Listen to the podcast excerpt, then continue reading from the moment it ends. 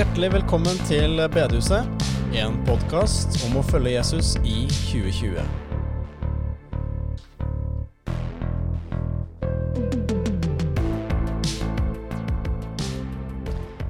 Ja, velkommen skal du være. Her sitter jeg, Johannes Vålandsmyr, med Asbjørn Smeland og Arne Inge Vålandsmyr, og vi fortsetter med Galaterbrevet. Forrige episode så gikk vi gjennom kapittel 1 og kapittel 2. I dag er det da, for de som er kjappe i hodet, kapittel 3 og kapittel 4. Det ser vi fram til, og vi har som sagt Arne Inge med oss. Og vi har prøvd, Asbjørn, å gå gjennom disse to kapitlene og tenke ut hvilke ting her er det en, la oss si en gjennomsnittlig bibelleser, ville ha stussa på og tenkt dette her var merkelig. Og i disse to kapitlene her så er det egentlig mye som er merkelig, og mange ting som er vanskelig å forstå. Eh, det kommer vi straks tilbake til. Men noe av det som er, eh, kall det gjerne overskriften for disse to kapitlene, det er jo dette med som vi snakka allerede om i kapittel 1 og kapittel 2. Disse galaterne har jo begynt å rote seg inn i noen greier. De har begynt å, som Paulus sier, de begynte i ånden, skal dere nå fullføre i kjøttet? Merkelig formulering, men altså Her snakker vi også om lovgjerninger, som er gjort på grunn av det loven, lovens krav. Så har vi, kommer vi inn på dette med Abraham, at han ble gitt et løfte til og at han ble gjort rettferdig ved tro. Og så samtidig sier Paulus at, Paulus at loven er god, men den leder kanskje ikke helt fram til målet, som vi skal komme tilbake til. Det blir spennende. Vil du bare dra oss i gang, eh, Asbjørn? Det vil jeg veldig gjerne. Um, vi stopper med noen vers underveis. Det er sånn vi gjør det. Yes. Um, og i, helt i begynnelsen, kapittel 3 vers 1, så begynner Paulus ganske så friskt. Da sier han, uforstandige galatere, hvem har forhekset dere? Dere som har fått Jesus Kristus malt for øynene, som den korsfestede. Og det er uh, Grunnen til at jeg syns det er ganske friskt, er at han bruker ord som sånn uforstandige. Hvem har forheksa dere? Um, så det virker liksom som Paulus virkelig har noe på hjertet her som han, uh, som han syns er viktig. Og Vi kommer sikkert tilbake til dette, for det virker til å være et tema utover i resten av brevet. Men hva er det som trigger Paulus, Arne Inge, til å bruke så sterke ord? Ja, Det som, som opprører Paulus, det er at de så tilsynelatende så lett kan hoppe på en, en, annen frelseslære enn det han hadde forkynt i. Eh, når han sier liksom 'hvem har forheksa dere', så er, er, det nesten sånn at du kan Om han mistenker nesten som at det står onde, onde makter bak for de kan jo få folk til å se ting ikke, som ikke finnes. Uh, og i motsetning til det, det, som Paulus har gjort, at han har malt Kristus korsfestet for deres øyne. Um, det er hans evangelium. Og det ordet, det verbet der som blir brukt faktisk på gresk, det betyr at han har ikke bare fortalt historien om hvordan det gikk til når Jesus døde på korset, mm. men han har fortalt den på sånn en måte at den er, den er, og blir og blir og blir og blir nærværende. Å male? Ja. ja. ja. Mm. Har malt, er, det er, noe som heter perfektum partisipp. Eh, effekten av det, eller konsekvensen av det, er at det er til stede her og nå. Sånn har han malt Kristus for dem. Mm. Det samme sier han faktisk i Korinterbrevet, at 'jeg vil ikke vite noe annet hos dere enn Jesus Kristus og ham korsfestet'. For han er, han er liksom helt i kjernen av det som virkelig lå han på hjertet. Og så oppdager han til sin store forskrekkelse at, at de begynner å se etter andre ting. Mm. Det opprører han. Så det er ganske sånn dramatiske ting som står på spill her for Paulus? Absolutt. Veldig dramatisk. Ja, vi kan jo bare gå videre på det som står i neste verset, for da får vi kanskje litt øh, mer kjøtt på beinet. Da sier han, svar meg på én ting. Fikk dere ånden ved lovgjerninger eller ved å høre og tro? Er dere eh, så uforstandige? Dere begynte ved ånden. Vil dere nå fullføre med kjøttet? Har dere opplevd alt dette forgjeves? Hvis det da var forgjeves? Altså her eh, virker det som at Paulus snakker om ånden, og så snakker han om, på den andre sida om lovgjerninger. Eh, og så kan en av og til lure litt på hva er egentlig disse her lovgjerningene Skjønner du, skjønner du hva jeg Ja, spør om? altså lovgjerninger sånn generelt, det er å holde større eller mindre deler av Moseloven, rett og slett. Det er lovgjerninger. Men alt en gjør som et tillegg til å tro på evangeliet, blir egentlig lovgjerninger. Eh, altså noe jeg må gjøre sjøl. Jeg må ikke bare tro, men jeg må gjøre noe sjøl. Det blir lovgjerninger. For tro er ingen gjerning. Nei. Tro er bare på en måte å stole på hva en annen har gjort. I dette tilfellet Kristus. Eh, og når han sier at de begynte med Ånden, så betyr det rett og slett Det var dette dere kom til tro på når dere hørte det første gang. Det var dette evangeliet. Det begynte ved at Ånden skapte en ny erfaring. Det er faktisk et erfaringsbevis som Mm. Paulus her trekker fram. Han spør fikk dere Ånden. Hvem er det som gjør under og tegn iblant dere? Og så. Er det ved å gjøre gjerninger, eller er det ved å tro? Og han, hen, han på en måte appellerer til dem til å tenke over hva var det som gjorde at vi faktisk kom til tro? Hva var det som faktisk gjorde at vi fikk denne nye erfaring av et nytt liv inni oss? Var det ved å gjøre en hel haug ting? Nei. Det var å høre evangeliet og tro det. Da skjedde det. Mm. Det er det han mener med her med at de begynte ved ånden. Men vil dere nå gå tilbake igjen til å plusse på litt grann, da, med egne gjerninger? Er det Mm. det dere vil? Det er det egentlig han sier her. Så når vi lurer på hvorfor, hvor, er, hvor er Gud i livet vårt, så kan vi spørre oss det spørsmålet. Eh, om, vi, om vi går i prøver å gjøre en hel masse ting, eller om vi Ja, jeg skal jeg bare si, da, og vi kommer muligens tilbake til det, altså forskjell på gjerninger og lovgjerninger. Men jeg kan si det så enkelt som enten er det noe du gjør for å få det rett med Gud, mm, det er lovgjerninger. Men du kan også gjøre noe fordi du har fått det rett med Gud. Ja. Det er gode gjerninger. Det, er en annen rekkefølge. Ja, det er en helt annen rekkefølge. Jeg kan uh, gå videre på et annet vers jeg stoppa opp med. Um, i, eh, når vi snakker om Bibelen, så snakker vi ofte om Det gamle og Det nye testamentet. Og her bruker faktisk eh, Paulus ordet testamentet. Det vers eh, 15 og 17. Eller 15 til 17. Mine søsken, la meg ta et eksempel fra dagliglivet. Ingen kan oppheve eller forandre et gyldig testamente, enda det bare er en menneskelig pakt. Gud ga løftene til Abraham og hans ett. Det står ikke til dine etter, som om det gjaldt mange, men det blir talt om én til din ett. Og det er Kristus. Det jeg sier er, en pakt som Gud først har gjort gyldig, blir ikke opphevet av loven som kom 430 år seinere, slik at løftet settes ut av kraft. Sånn står det. Eh, hva er det egentlig Paulus sier her? Ett. Altså en ett eller etterkommere, eller eh, Det er jo Her snakker han om at det er samme person, eller at det er bare én ett, ikke mange etter. Altså ikke, ikke etter, men Det høres helt likt ut. Ett, ett, Etlinger. ettlinger. Ja. Ja. Eh, kan jeg som, eh, som nordmann da kalle meg Abrahams ett? Mhm. Kristen? Ja, nå er- begynner vi å nærme oss litt sånn vanskelige ting i Galaterbrevet. Og Paulus kan faktisk være litt vanskelig å henge med i svingen av og til. Eh, han har helt brennsikkert en eh, egen logikk, Mm. men den kan det av og til være litt trøblete for oss å, å forstå. Eh, jeg tror med poenget er å vise at det er bare det jeg kaller for løftesveien. Mm. Og den kommer vi til, eh, snakker vi også her, men altså løftet han ga til Abraham osv., den fører fram til Gud, ikke lovveien. Judaistene de, de tenkte i praksis sånn at Kristus førte tilbake til løftet til Abraham. Når mennesker kom til tro på Kristus, så fikk de på en måte se sammenhengen og ble ført tilbake via Kristus tilbake til Abraham. Og fordi eh, Abraham fikk omskjærelsen som tegn på dette løftet, så måtte de også omskjæres. Ikke vel?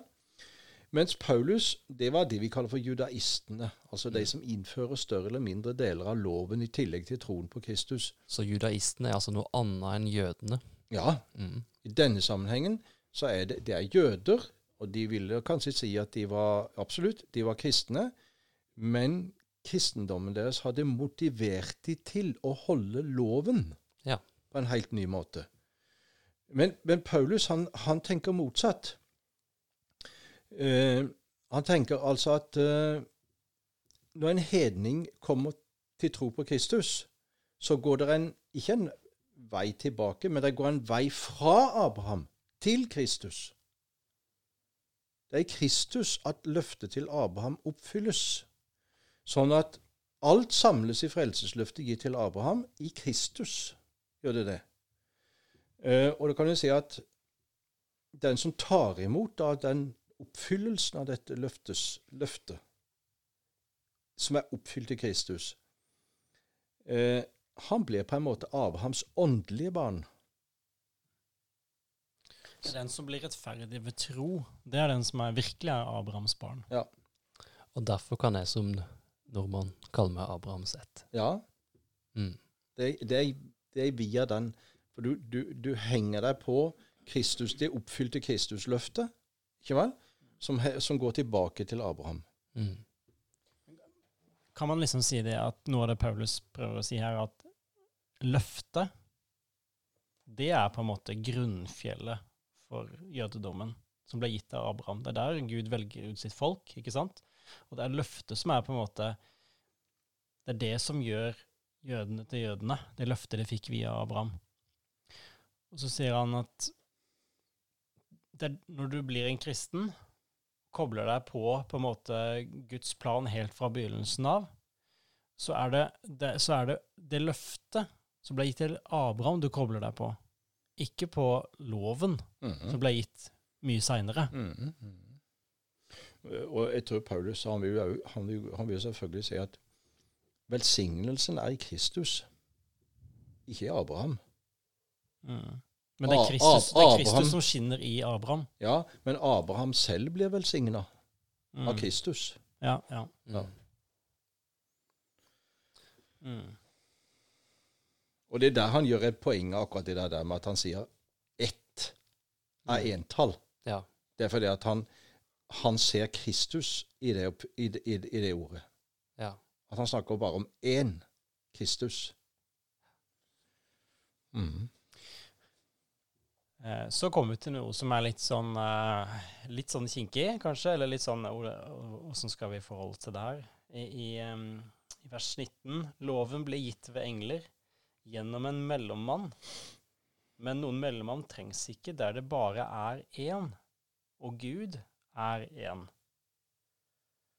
Um, og så kan vi spørre, men ble ikke loven gitt av Gud til Moses?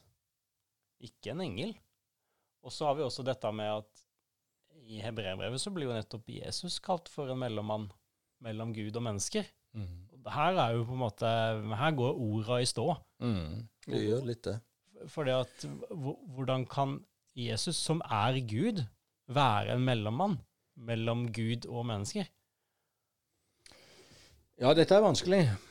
Og akkurat det der eh, vers 20 der eh, Men noen mellommann trengs ikke der det bare er én, og Gud er en, Den, den har det veldig mange bibelfortolkere som har klødd seg skikkelig i hodet på hva egentlig det betyr.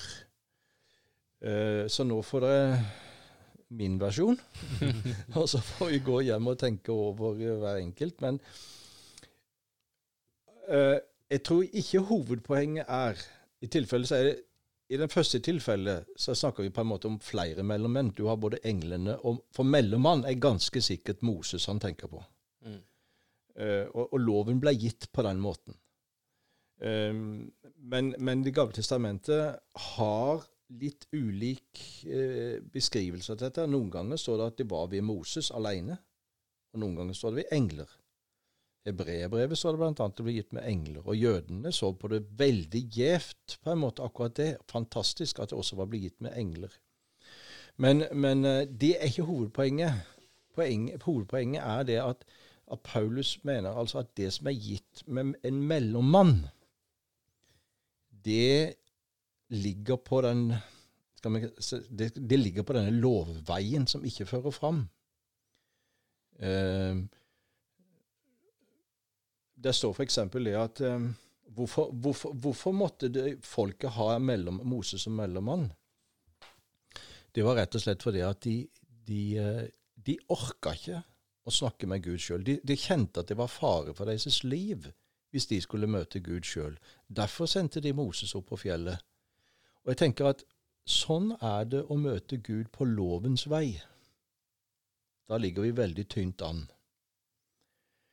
Så videre, logikken, kan være enten peker det da bakover, men Abraham snakka med Gud direkte. Derfor er løfteveien mye mer solid. Eh, lovveien, Moses, mellommannen, den fører ikke fram. Løfteveien, Abraham og Gud direkte, den fører fram. Men vi kan også tenke at det peker framover, nemlig på Kristus. Og da begynner det å bli logikk i det man sier Men og Gud er én. Det kan bety at Gud er den samme når han åpenbarer seg både på løfteveien og når han åpenbarer seg på lovveien. Det kan det bety. Men det kan òg bety det at når Gud handler i Kristus, så, er det, så handler han på en måte med seg selv. Faderen og Sønnen. Der er ingen mellommann. Det er bare direkte på direkten, så å si. Og, Paulus, og, og Luther hadde jo dette uttrykket at på korset så strir Gud med seg selv. Uh, og Det syns jeg gir veldig mening. Og det er enig i det at i hebreerbrevet så, så, står det noe om at Kristus er en mellommann. Men her i denne sammenhengen så betyr det òg på en måte at i Kristus så kan vi møte Gud direkte.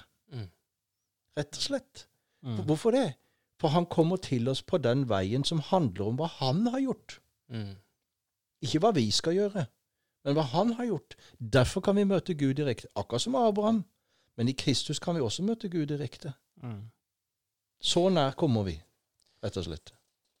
En sånn ting som uh, kanskje kan uh, gjøre det litt lettere å forstå det der, som er på en måte flere ting Flere ganger i Nytestamentet så ser vi på en måte noe som utgangspunktet ser ut som en selvmotstigelse, fordi en bruker tilsynelatende ganske så motsatte ord for å beskrive det samme. Mm. Altså dette med at Gud er én, det trengs ikke noen mellommann, og så snakker man om Jesus er en mellommann. Her, hvordan går dette i hop? Eh, jeg husker bare én ting som, eh, som, gikk litt opp for meg eh, på teologistudiet, var det, vel, var det vel? At en ting da kan ha mange forskjellige egenskaper. En kan snakke om den tingens eh, egenart, eller den tingens vesen, eller den tingens natur. Og så kan man snakke om den tingens funksjon, eller den tingens eh, avtrykk på omgivelsene. Altså, det er mange, mange ulike vinkler en kan snakke om en ting. Mm. Og kan kanskje si sånn, I brevet så snakker man om Jesus som mellommann på en funksjonell vinkel. Altså han har funksjonen av en mellommann. Men hvis vi skal snakke om Jesus på, på, en, på vesensplan, så har han jo ett. Da er det bare én. Mm. Ikke sant? Mm. Og da, det, er, det, er et eksempel der man kan snakke om en ting og bruke ord som tilsynelatende da ser helt ut som to motsetninger. Eh, men hvis vi ser litt nærmere på det, så beskriver vi her to helt ulike plan, om du vil, av, eh, av eh, det objektet man snakker om, da. Mm. Gir det mening? Ja, det er litt vanskelig det du sier, men, men det gir mening. At, at, du, kan bruke, du kan snakke om samme begrep ut fra to synspunkter, på en måte. Og tilsynelatende så er det, så er det motstrider hverandre. Men egentlig gjør det ikke det. Det er bare fordi at du ser det fra to forskjellige vinkler. Ja, altså et banalt eksempel. da. Du kan beskrive en, en mann som sitter i sofaen. og du kan si I den ene sammenheng så kan du si at han er veldig firkanta. Og da snakker vi om fordi han har visse meninger. Mm. Og så kan du i en annen sammenheng si at han er veldig rund fordi at han er overvektig. Ikke sant? Da har du, du snakker du om, bruker ord som tydelig, er tydelige motsetninger, men det er fordi du beskriver to ulike aspekter ved personen. da. Altså ja. du, Det er vesen og funksjon, f.eks. Jeg syns egentlig det var et godt bilde. Ja, så bra. Jeg håper det ga mening. Jeg synes i hvert fall Er du enig, Arne? ikke? Ja, Det er, er en er det del- fordi at du sitter i sofaen at det er derfor du syns det ga mening, eller? Ja, både firkanta og rund. ja. Men sånn er det med en del ting i Nytestamentet. At bare, det her er jo, for Bibelen snakker jo rett imot seg sjøl. Mm. Da kan vi stoppe opp og tenke ja, men beskriver det det samme bare for to helt forskjellige Men tilbake til saken. så er det, det er den samme sporet Paulus kjører på hele veien her. Og det er rett og slett at den pakten som starta med Abraham, og som oppfylles i Kristus, det er en mye bedre pakt. ja. Det er en pakt som fører frem, osv. Det skal vi komme litt tilbake til her eh, faktisk seinere òg. Uh, I ehm, vi, vi går bare litt videre, for jeg ble så spent på det. Så når du sier det kommer seinere, så må, må vi kjøre på. Uh, der, der står det i vers uh, 3.22 der. Men Skriften har lagt alt under synden, for at de som tror på Jesus Kristus ved sin tro, kan få det som var lovet. Hva betyr egentlig dette her med at Skriften har lagt alt under synden? Det er bare å skyte inn spørsmål.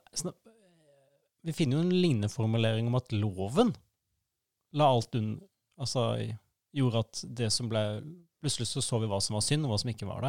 Mm. Er, er, snakker, er loven og skriften det samme her for Paulus? Ja, det er nesten det, altså. Men med, poenget er at i hans bakgrunn Altså, dette tror jeg faktisk ikke Paulus kunne ha sagt før han ble en kristen. For en fariseer mente at nettopp ved lovens hjelp så kunne man bli rettferdig. Mm. Man kunne bygge opp en ny rettferdighet ved å holde nøye loven. For, men, men det som Paulus har fått oppdaget i møte med Kristus, det er noe med at han, Paulus sjøl, på dypet, er jo i grunnen akkurat den samme. Det er nesten sånn, jo, jo hardere han prøver, jo mer skjønner han at han kommer til kort. Ja, eller jeg tror rett og slett det var lyset som flomma rundt han utenfor Damaskus, som skjønte at eh, hjertet mitt, hjertet mitt, i all min rettferdighet, så har jeg faktisk forfulgt Kristus. Mm. Hva slags hjerte er det? Og derfor mener jeg det at det betyr rett og slett at når vi får se oss i Guds ords lys, så blir alle veier til Gud stengt. Det er umulig.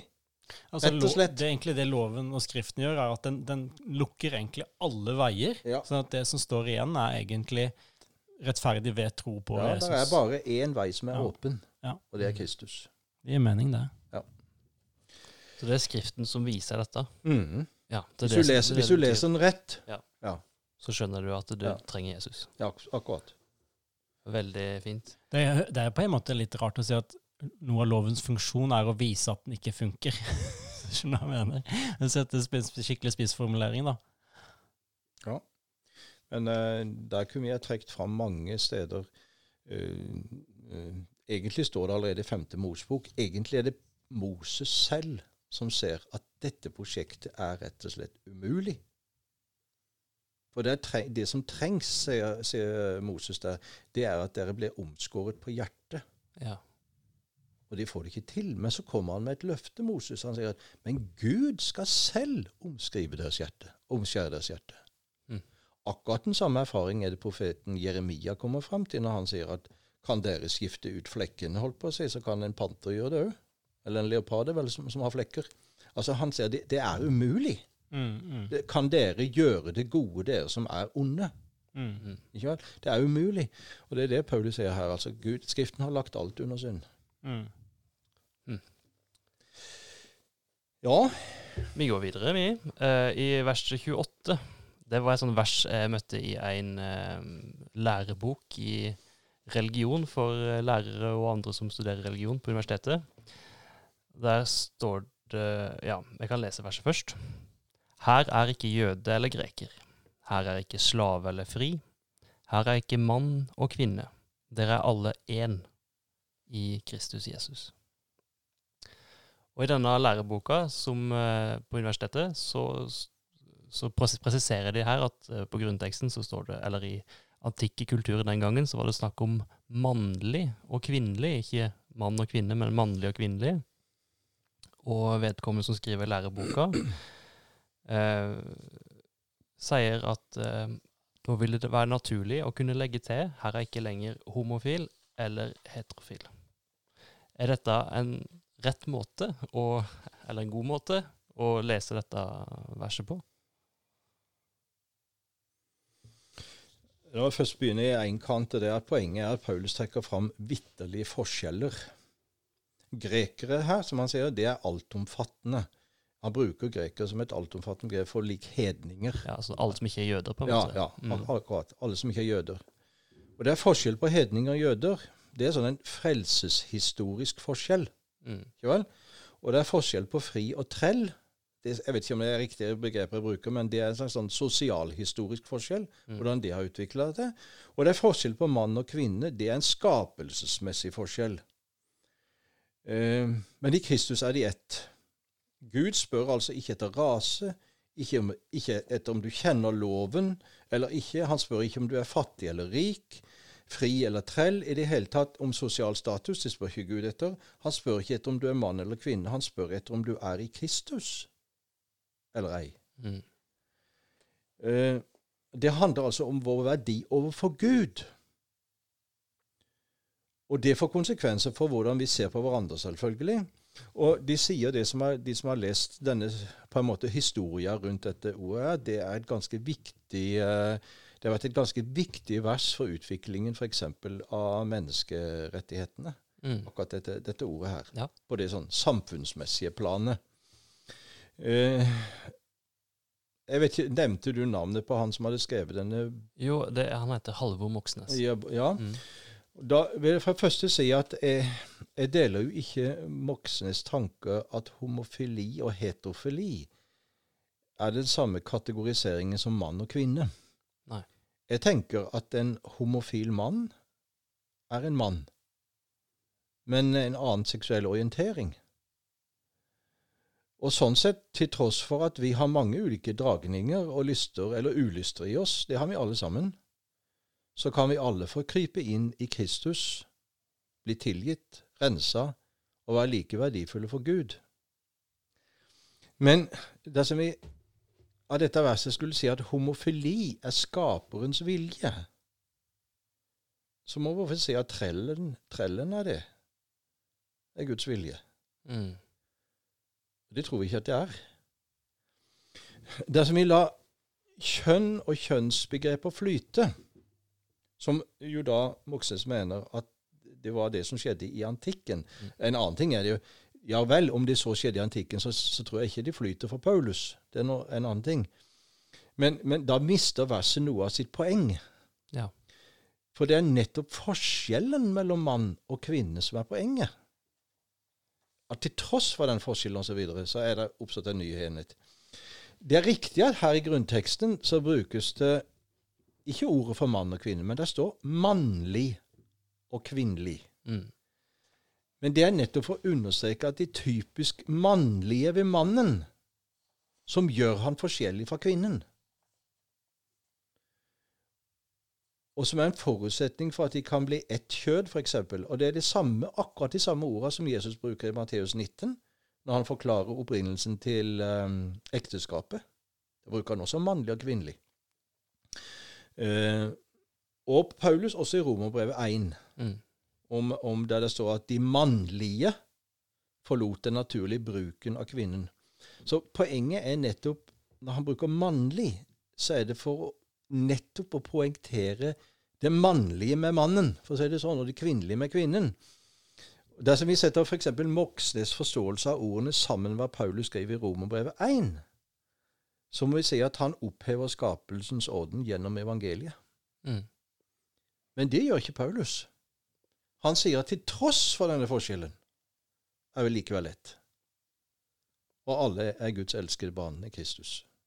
Det er poenget, mener jeg.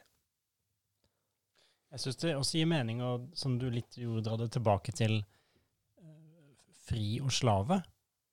Er det sånn at ja, det er egentlig ikke noe forskjell på de to? Ikke sant?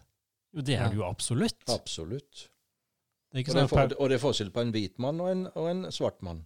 Ja, men poenget er hvis, hvis, I verset før her så snakker jo Paulus at Så sier han For vi er alle Guds barn ved troen i Kristus. Alle dere som er døpt til Kristus, har kledd dere i Kristus.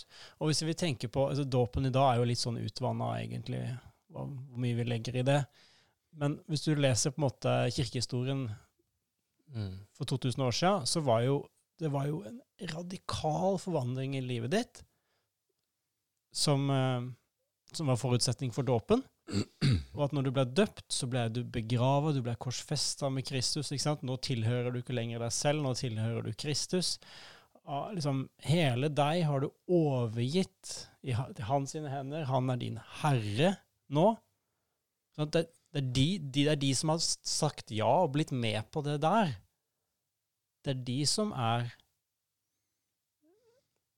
Om du er slave eller fri, så spiller ikke det en rolle, for nå er du Nå er han herren din. Om du er mann eller kvinne, mann eller kvinnelig, han er herren din nå.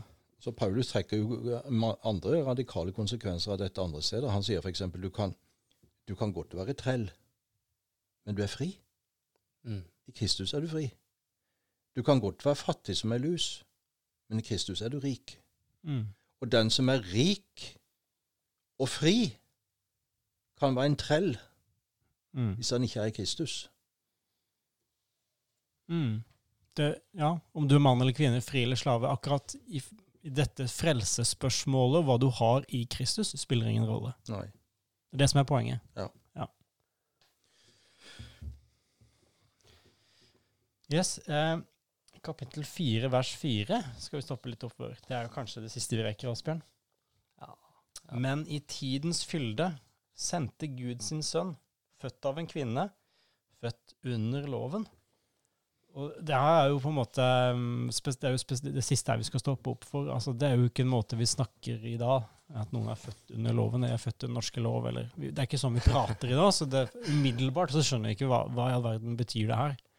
Men hva, hva mente Paulus når han skrev at Jesus var født under loven? Ja, jeg tror egentlig at han mener bare rett og slett at Kristus er født i lovens tid. Han var jøde Ja. og levde som en jøde etter loven. Fariseerne vil nok si at Jesus brøyt loven på enkelte punkter. F.eks. De, gamle fors de gamles forskrifter og sånne ting når det gjaldt uh, renhetsforskrifter og sabbatsforståelse osv. Den muntlige Den muntlige lovtolkningen, ikke Mm. vel? Uh, Jesus vil nok derimot anklage de, altså fariseerne, for å holde mer fast ved menneskebudene enn Guds bud. Uh, selv så vil han si at han holdt loven slik den skulle holdes. Det betyr f.eks. at kjærlighet og barmhjertighet kom foran renhetsforskrifter og sabbatsregler. Men han var, Jesus var en jøde, han levde under loven. Kan man si at en annen måte å si det på at han var, yes, uh, han var født av en kvinne og forplikta til å følge loven? Ja. Hadde det vært en måte å oversette det på? Ja, det kunne faktisk gjøre. Uh, menneskelig sett så var han, han, var han forplikta til å holde loven. Mm. Og det gjorde han. Ja, det er et viktig poeng. Ja. Han gjorde det uten, uten den minste feil. ja. Som hebreerbrevet sier, altså at han er prøvet i alt, Mm. dog uten synd. Mm. Mm. Og det var det vi rakk? Eller var det så? Ja, jeg tror det. Jeg tror det var så. Kjempespennende. Vi ser, vi, eh, ser fram til fortsettelsen. Eh, Det kommer en episode til altså, om de siste to kapitlene i Galaterbrevet. Var det gildt å høre på denne podkasten, må du gjerne gi en gave til Nordmisjon sitt arbeid, f.eks. på VIPS med nummeret 94272, eller besøk oss på nordmisjon.no agder.